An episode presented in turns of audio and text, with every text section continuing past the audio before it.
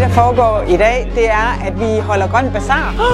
Og der er 10 foreninger her i Aarhus, der har samlet ind alt, hvad de har haft af brugt sportstøj. Og det er så det, vi giver videre i dag til alle dem, som kan bruge det. Kan hjælpe dig med fodboldtøj. Formålet det er at øh, genbruge. Det er simpelthen bare, at tøjet får lov til at leve videre.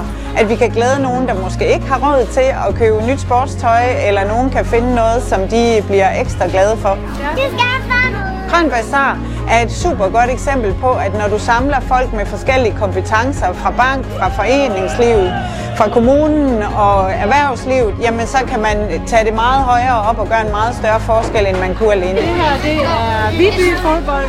Det var det fedeste ved at være med her til Grøn Bazar i dag, det er jo at se, at folk kan, kan bruge det, og, og det, øh, der været en god stemning også, og vi har haft det også i frivillige, vi har også haft det hyggeligt imellem os. Jeg siger bare held og lykke. Jeg håber, at Grøn Bazar kan bidrage til, at de ting, vi har, som er gode, de, øh, der er andre, der kan bruge det også. Og det kan få et, få et nyt liv.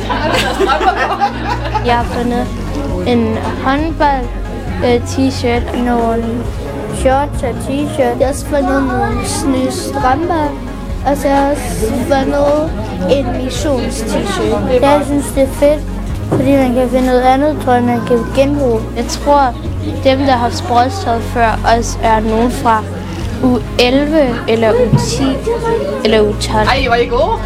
Det her det var vores generelle prøve, og øh, nu har vi fundet ud af, hvad skal vi gøre mere af, hvad skal vi gøre mindre af. Vi skal have mange flere med, øh, og øh, vi skal bare have gjort det større og bedre, og øh, gerne sådan, at alle kan få tøj med hjem.